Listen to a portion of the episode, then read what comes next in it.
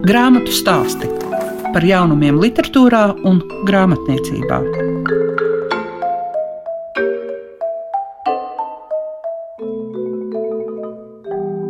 Grāmatu stāstu laiks ir klāts. Mēs esam šobrīd laikā, kad baltais sniegs citam traucē, citu iepriecina.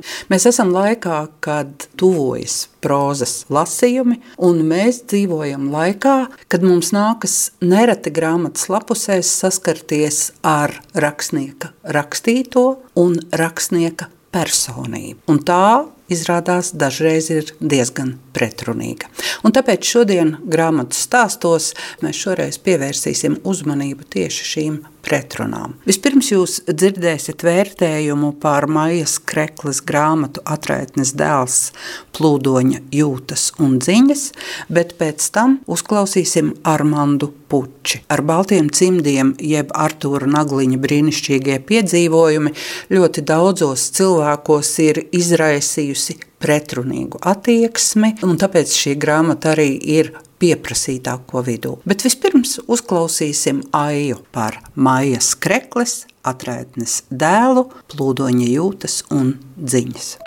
Grāmatu stāsti programmā Klasika.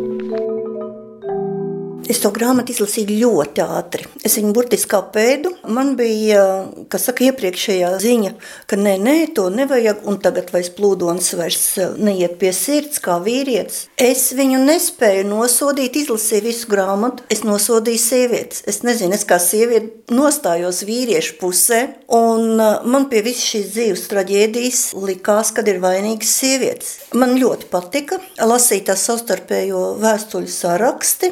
Es tur tiešām iejutos un, un jūtu viņam līdzi, bet te pašā laikā es jūtu līdzi arī tam sievietēm, izņemot pēdējo darbu kolēģi. Nu, es nevaru teikt nevienu sliktu vārdu, es teiktu, izlasiet jūs arī. Varbūt, ka jums tomēr nebūs tik uh, noraidošas domas par plūdoni. Ja es lasīju par dārziņu, ja māja krekla, tā grāmata man galīgi nelasījās. Bija, nē, man viņa bija tik smagi lasījās, un uh, es nespēju uztvert to rakstīšanas stīgu. Šeit kā tā rakstniece varbūt ir daudz mazāk, lielāka nozīme ir tām vēstulēm. Es nezinu, cik viņas ir autentiskas, ir precīzas. Ja? Nu, tad, tas arī bija tas, kas man. Un tad vēl tiešām tās Annas vēstules, kas varētu būt lauka sieviete bez īpašas izglītības, cik viņas tomēr bija izjustas, var teikt tā. Grāmatu stāsti tiem, kam grāmatu lasīšana ir vērtība. Tikko kā grāmatas stāstos jūs dzirdējāt, kā Aija vērtē grāmatu par Vili Plūdoni. Tas ir diezgan atšķirīgs viedoklis no citiem, jo ir cilvēki, kas izlasot šo Maijas Kreklas grāmatu, saka, ka plūdoni palasīt vairs nevar. Un mēs grāmatu stāstu turpinājumā runāsim ar Armandu Puči, kurš ir izdarījis ko līdzīgu, bet nu jau ar Raini, ar baltiem cimdiem, ja Artūra Nagliņa brīnišķīgie piedzīvojumi. Tāds ir grāmatas nosaukums, un Armanda, jūs esat izdarījis to, ko neviens cits attiecībā pret Raini nav atļauts atļāvies, jūs esat Raini parādījis citādu. Kā jums vispār veidojās interese par Raini? Nav nekas jāizgudro, jo savulaik, kad es eh, beidzu eh, žurnālistikas katedru, tā atradās pie filoloģijas fakultātes, attiecīgi manu interesi par dažāda veida, sauksim tos par dižgariem, bet kopumā tie ir cilvēki, kas ir atstājuši Latvijas kultūras kanonā kaut kādas atzīmes. Man apkārt bija izcili pasniedzēji, tādi, kas bija arī redzējuši vienu otru no šīm personībām dzīvē, satikuši, ja ne šņābi, tad kafiju vismaz izdzēruši. Un tāpēc filoloģijas fakultātē tie pasniedzēji, kas meklēja kompromisu starp padomu laiku un starp to atmodu, kurā nonāk tagad jaunie cilvēki, jo es iestājos Pēters Stučkas universitātē un pabeidzu Latvijas universitāti. Tāpēc ļoti interesanti bija arī vērot man kā jaunam cilvēkam, kā mainās arī pasniedzēja attieksme, kādā neziņā viņi ir par laikmetu un tie kompromisi, kas viņiem bija jāsadzīvo padomu laikā ar, ar savu izpratni, ar savām zināšanām, tie jauni cilvēki acs priekšā grubu burtiski pa lekcijām. Tu katru nākamo dienu ieradies un redzēju, cik šie cilvēki gan pārdzīvo, gan arī piedzīvo traģēdiju, gan savu personisko, gan arī akadēmisko, jo viens ir tas, ko viņiem lika mācīt, un pavisam kas cits, tas, ko viņi zināja. Līdz ar to interese par šiem cilvēkiem, personībām ir, nu, tīri dabiski, jo man profesija ir tāda, kas nemīl līdzjūtējs, es neesmu līdzjūtējs, nekad tāds neesmu bijis, un attiecīgi jautājums, kāpēc tas ir dienas kārtībā numur viens manai karjerai. Attiecīgi, es domāju, jebkurš žurnālists uz jautājumu, kāpēc meklē atbildes, un uh, Raingadījumā bija ļoti viegli, tāpēc, ka tur ir tik daudz pretrunu un tik daudz melnu, pelēku un citādu veidu nezinām caurumu, ka vienkārši tu ķeries klāt un dari. Un te nav stāsts, ka tu gribi, piemēram, cīnīties ar kādu vai tu gribi kādu atmaskot, absolūti nē. Tas ir stāsts par to, ka mums ir jāpārvērtē savas attieksmes pret vienu vai otru gadījumu, pret notikumu, pret personībām, un tas nekādā mērā nesaistās varbūt ar šo cilvēku padarīto, jo kopumā jau man šķiet tikai mediķiem ir atļauts būt tā, lai runā viņu darbi, un visu pārējo aizmirsīsim. Manuprāt, radošām personībām un politiķiem un sabiedriski nozīmīgiem cilvēkiem, ar ko mēs apzīmējam dažādas profesijas, te jārunā ir gan darbiem, gan cilvēkiem. Un uh, mana pasaule ir būvēta tā, ka kārtīgums un krietnums ir pār visam, godīgums ir pašā augšgalā. Armand, kā jūs arī gājāt uz to, jo pirmās jau tomēr bija grāmatas par sportu vai sportistiem, lietas, par kuru jūs perfekti visu zināt, un vēl jau arī iepriekšējā grāmata, kas bija jūs nekad viņu nenogalināsiet, pierādīja, ka jūs lēnām ejat uz arī šīm personībām, kuras visiem ir svarīgas, bet kuras nav parādītas, kādas viņas ir. Liek, jūs pieminējāt sportistiem, es vienmēr esmu teicis, tie ir cilvēki. Vai tas ir kāds, kas mēģina dabūt ripu vārtos, vai kāds, kas tiek galā ar vārdiem, virknējot tos ļoti meistarīgi uz lapas. Tāpēc stāsts ir par cilvēkiem, un nonākt līdz konkrētai personībai palīdz vienkārši meklējumi. Pieminēja grāmatu par Herbertu Cukuru, kas arī neviennozīmīgi attieksmi veidoja pie šīs grāmatas iznākšanas, un meklējot materiālus un arī interesējoties par to visu, vienā brīdī vienkārši atradu vienā no arhīviem tādu rindu, ka kaut kāds bariņš revolucionāri gan ārstējās, gan dzīvoja, gan pārlaida ziemas tālajā Šveicē, konkrēti pie Lugāno ezera, un uh, bija nosaukt virkni cilvēku, un tad ir viens vārds uzvārds, kas man samulsināja, jo pēkšņi tiek nosaukts Arturs Nagliņš un iekavās Jānis Pliekšāns. Tā kā mums skolā daudz mācīja par Jānu Pliekšānu, nu nebija nekāda šauba, ka ir tikai viens Pliekšāns latviešiem. Tad es sāku sev uzdot jautājumu, kas ir Arturs Nagliņš? Kāpēc šo vārdu uzvārdu nevar atrast gandrīz vai nevienā no tām biogrāfijām, sākot ar 30. gadiem, kas tika rakstīts, un pēc tam arī kopotajos rakstos, ir kaut kādi fragmentiņi maziņi, jā, jā, tu ieraugi Arturs Nagliņš, bet ja tu saproti, kā ar šo vārdu un uzvārdu cilvēks ir dzīvojis 14 gadus Šveicē, faktiski viņš sev ir identificējis tajā vidē, gan slapstoties, gan bēgot, gan vairoties no kaut kā. Tikai un vienīgi ar šo vārdu, un tādu skrupulozi izlasot viņa darbu Kastaņolu, un jau ir par Rainu šobrīd, kur viņš atceras prozas formātā, kā tas izskatījās, kā tas bija, un ka šajā darbā nevienu reizi viņš nepiemina vārdu un uzvārdu Arturs Nagliņš, un tā pasa viņam joprojām bija kavatā, un Šveices arhīvos tikai zina Arturu Nagliņu, nevis Pliekšānu, nevis Raini un tam līdzīgi, ko es arī noskaidroju. Man likās, paga, paga, paga. Nu, tad paskatīsimies, kas ir Arturs Nagliņš. Un tad jāskatās mazliet plašāk, jo tad vajadzēja saprast, kāpēc Rainis nonāk līdz šai pasē, nu, kādā formātā, ne, un, un kāpēc tas pēc tam izvērš tā, kā tas notika, un kāpēc tad uh, ir tik liela mistika ap šo vārdu uzvārdu, un uh, būtībā tā veido arī ļoti lielu daļu no šī dzēnieka pasaules. Armand, grāmata ir mhm. ļoti aizraujoša, izlasās ātri, bet uzdodas ļoti daudz jautājumu, tāpēc, ka nav atsaucas, par kurām jūs jau pašā sākumā Jā. sakat, ka to nebūs. Bet ja es saku tādu komentāru kā sazvērstības teorija? Nē, tā ir liega sazvērstības prakse. Tā nav teorija, jo sākumā man bija doma, ka varbūt vajadzēs pie datora mazliet vairāk pievērsties savai literārai darbībai, tādā izpratnē, ka vajadzēs kaut ko vēl piepušķot, izgudrot. Tas varbūt ievirzīsies kā romāns, kā trauksmaina dzīve, tur, kas vienam cilvēkam veidojusies. Taču ejot cauri arhīviem, un te man jāsaka liela paldies Rakstniecības muzeja arhīvam, un tiem darbiem, kas par šo dzīvnieku ir atstāti, un tā ir kaudze. Es pat teiktu, tās ir kravas mašīnas, kas ir atstātas. Tu ātri nonāc pie atziņas, ka te jau nekādu romānu nevajag. Šī būs dokumentālā proza, un tā es arī to veidoju. Attiecīgi, caurvijot nodaļas, es, es mēģināju iezīmēt to laikmetu, kurā darbojās šie personāļi, tur mazliet ir tā literārā piegarša, ka tu atļaujies mazliet radošs atkāpes vai sānsoļus, bet kopumā tie visi fakti, kurus es ieraugu un mēģinu saprast, kāpēc. Jo, jo manī nevalda kategorisms attiecībā pret uh, pliekšānu kungu, jo tas nekādā mērā man nepalīdz, ja es kļūstu par līdzjūtēju. Bet es ieraugu šos faktus, ne tikai faktus, bet pretrunas un šos caurumus, kas ir gan dienas grāmatās, gan atmiņās. Un tad, protams, ka šis darbs uh, kļūst par dokumentālu. Tādā izpratnē, ka es nevis uh, varu izsecināt, bet es gribu, lai cilvēki domā, lai viņi nonāk savu veidu radošajā fitnes zālē, kurā viņi savu radošo muskuli tā kā mazliet patrenē, aizdomājas, mēģina uzminēt, kas tur varēja būt. Jo ir tiešām tik daudz pliekšāns cenzēts un ķidāts, sākot ar sociāldemokrātiem, aspaziju, čekistiem un padomu iekārt, ka ļoti grūti ir kopējo bildi salikt kopā, un ne jau vēl tas izvēlējos uz vākt tādu kā puzles elementu, ka šī puzle tur ir roba, un ļoti daudz roba. Neskatoties uz to, ka it kā šķiet, nu kurš tad vēl, ja ne viņš, ir pētīts tā, ja ne Rainis, kuram bija veltīti institūti, kuram bija veltīti disertācijas, doktora aizstāvēšanās un tam līdzīgi. Es šo grupu, kas padomu laikā tika izveidota, es saucu par rainologiem, un nevis nievājoši, bet tādi viņi ir. Mums ir reumatologi, ginekologi, kāpēc nevarētu būt rainologi, bet viņi darīja to režīmu ietvarā.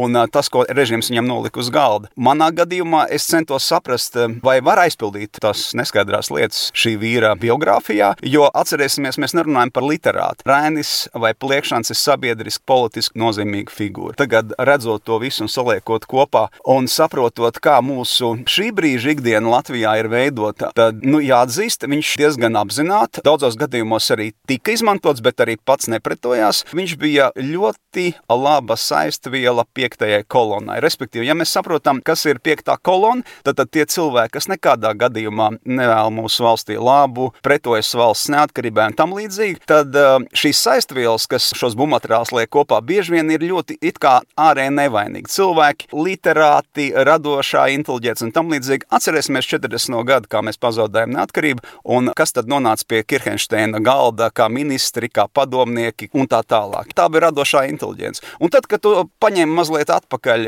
atspēries Latvijas vēsturē un ieraugi, kas tur notika ar konkrēto pliekšanu, tad liekas, nu kā tas var būt, ka tik lai viņš rīkojas pret Latvijas interesēm, jo tas ir saistīts gan ar Daile un darbs dibināšanu. Tā ir izdevniecība, kas ir komentēras eh, Latvijas sekcijas, Maskavas jau bolševiku vai komunistu izlolots projekts, kurā Rainis ir dibinātājs. Rainim nekad nebija tā, ka viņš gribēja Latviju redzēt pilnīgi neatkarīgi, viņš uzskatīja, ka tā būtu buržuju valsts. Viņš gribēja redzēt to kopā ar sarkano Krieviju. Pirmkārt, jau ekonomisku apsvērumu dēļ, jo tad it kā varētu smelties no Krievijas tos labumus un šādus labumus vai tirgus. Nu, un nemaz nerunājot par to, ka būtībā visu 20. gadus Raņa izveidotā izdevniecība Dēla darbs, un tā skaitā vēl arī citas aktivitātes, ar kurām viņš nodarbojās. Tas būtībā bija komunistiskās pagrīdes, teiksim tā, maka turētājs. Šī vārdā tiešajā nozīmē tas ir redzams. Manuprāt, ka neatkarīgā Latvija, kas izveidojās, bija diezgan labi informēta par to, kas ir Jānis Pliekšāns, ko pārstāv un kāpēc. Un tāpēc mēs varam izprast mazliet vieglāk, kāpēc viņš nekļuva par prezidentu, kāpēc akadēmiskā vide viņu norobežoja no tās sauktās skrējienu pretī Nobel prēmijai un tam līdzīgi. Un te ir atkal tas, ka mēs pārlecam, ko tad padomu ideologi izdarīja. Kāpēc viņi izcēla priekšplānā tikai vienu? Padarīja viņu par lielu cilvēku, lai gan mūsu vēsture var Rainim blakus, piemēram, kaut vai literāta vēsture, var Rainim blakus nolikt uh, desmitiem jauku. Un atkal es teikšu vārdu diži, bet likšu to pēdiņās diži cilvēku. Kādas ir jūsu attiecības ar Alda Dobrovenska grāmatu Rainis un septiņi brāļi? Man ar visām šīm grāmatām, kas atgādina mazas ķieģelišas, man ir ļoti labas attiecības, jo, lai nonākt līdz savam gara darbam, man vajadzēja saprast, kāpēc šie cilvēki redz to tā, kāpēc viņi būvē šos stāstus atspēroties no viena vai otra notikuma.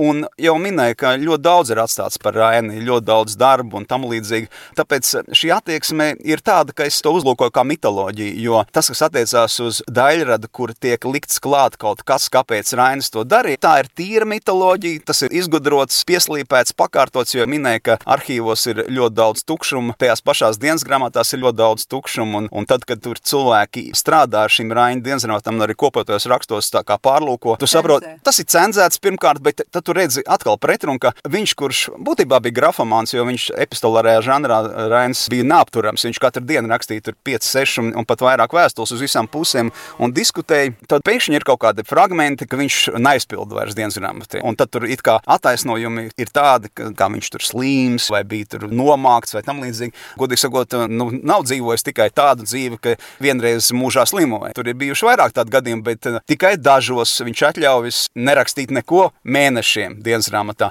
Un tad uzdod jautājumu, kāpēc? Pārlecot atpakaļ pie tiem kolēģiem, kas patiešām monumentāli strādājuši un pētījuši, Raina gan Dobrovensks būtībā tur ir vesela plējāde, bet es gribu priekšplānā izcelt Gunda Grīnumu, jo tas posms, kas tagad notiek, teiksim, tā pēdējā desmit gadu, nu, tāds darbs kā viņa pusalpiem, kas labā nozīmē pārsteidz ar vērienu, ar to dziļumu, līdzīgi kā cukuru gadījumā un citos gadījumos, es nekad nesaistu savu radošo darbību ar kādu, kas var, teiksim, mēģināt mani iegrožot vai nolikt uz tām sliedēm, kuri viņi redz, jo radošai personībai sarežģīti pieņemt šādas noteikumus, tāpēc arī šo grāmatu, kas saucās ar baltiem cimdiem, es izdodu pats. Jūs arī pats ieguldat? Kā visos gadījumos, kur es esmu savu radošo potenciālu mēģinājis apliecināt, un attiecīgi tas ir daudz vieglāk, tāpēc, nu, ja kāds kaut ko prasa, tā ir mana iniciatīva. Vai man kāds par to maksā? maksā, es pats par to maksāju. Līdz ar to ir vieglāk runāt. Līdz ar to ir daudz vieglāk, teiksim tā, attiekties pret tiem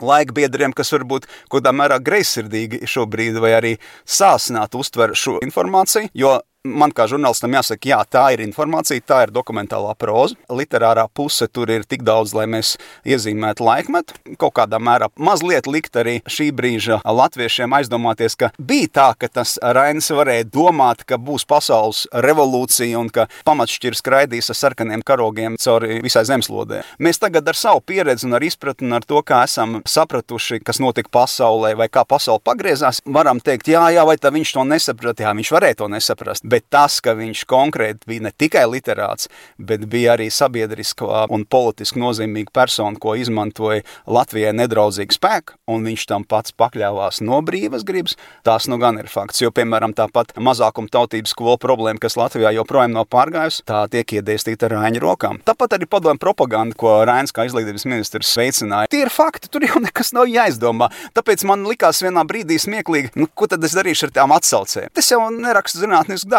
Visu atsauces es varu pamatot ar krājumu numuriem, tam līdzīgi, kam interesē. Kam neinteresē, tu nepārliecinās ar atsaucēm. Tu varētu desmit atsauču lapas nodrukāt aizmugurē, un tāpat šie cilvēki teiks, nu, nu, nu, nu, nu vai tā, tā tur ir, vajag jau paskatīties vairāk. Jāzīst, ka rakstniecības muzeja krātuvēs patiešām Rēns ir pār galvai, tur var atrast tādas lietas, kas sajūsmina, un ne tik daudz sajūsmina, teiksim tā, runājot par pliekšanu, bet tie laika biedri, kas ar viņu sarakstās, jau viņam bija tās niķis, ka viņš visu vēstules pieprasīja atpakaļ, lai atsūt viņam, ko viņš kaut kur bija sūtījis, un tās vēstules liela daļa arī ieguluši ir arhīvā, ārkārtīgi interesanti ir uh, iziet cauri. Es jau pieminēju tad Anna ķēniņa, viņas saraksti. Ja mēs runājam par literātu, kurš mums ir uzlikts uz piedestāla un noliekam blakus vēstuli, kas ir moderna sieviete uzņēmēja, kur vēlas arī Latvijas stāstu sarkanu, baltu sarkanu un ar tādu patriotismu, tad, ja saliek visus tos pieminekļus kopā, kas Rainim uzcelt Latvijā, un arī tad viņi netiek līdzi Annas ķēniņas redzējumam,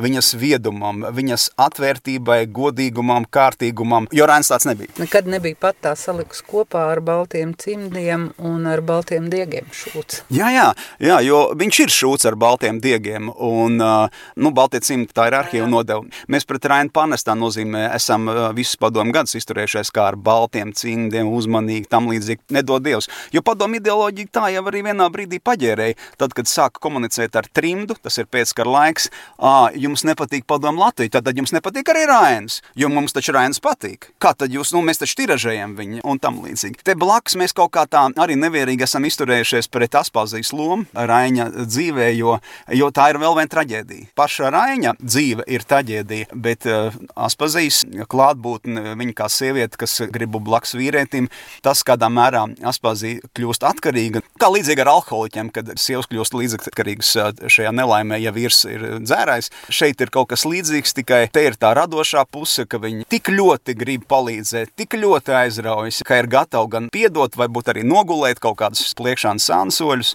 un tajā pašā laikā pieciest arī šo viņa raksturu, kas kopumā, ja pat iziet cauri tam attiecībām, kas ir partijā sociāldemokrāti, nu tad mums ir darīšana ar vienu cilvēku, kurš ir vienkārši ir intrigants un nejauks, nepārtraukts strīdus un nepārtraukti kašķējās un nepārtraukti ar kaut ko tur ir nemierā.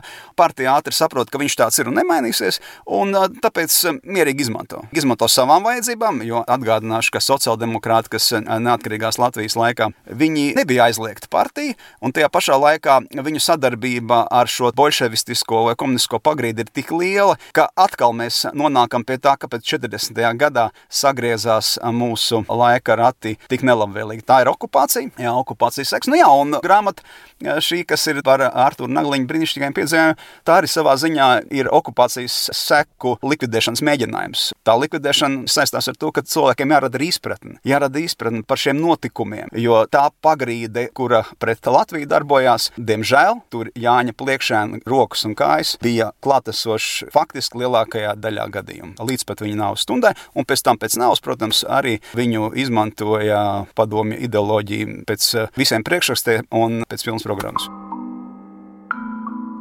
izskan grāmatu stāsti. Šīs dienas raidījumā jūs dzirdējāt, kā lasītāja Aija vērtē Maijas Kreklas atraitnes dēlu plūdoņa jūtas un ziņas, bet lielāko raidījuma daļu pievērsām uzmanību Rainim. Rainim, kādu mums parāda Armands Puče, laiku, kādu mums parāda Armāns Puķa. Grāmatas nosaukums ar baltiem cimdiem, jeb Artūra Nagliņa brīnišķīgie piedzīvojumi.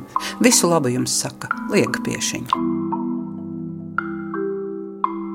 Grāmatu stāsti par jaunumiem literatūrā un grāmatniecībā ik trešdienu, 9.5. ar atkārtojumu Svētdien, 18.15.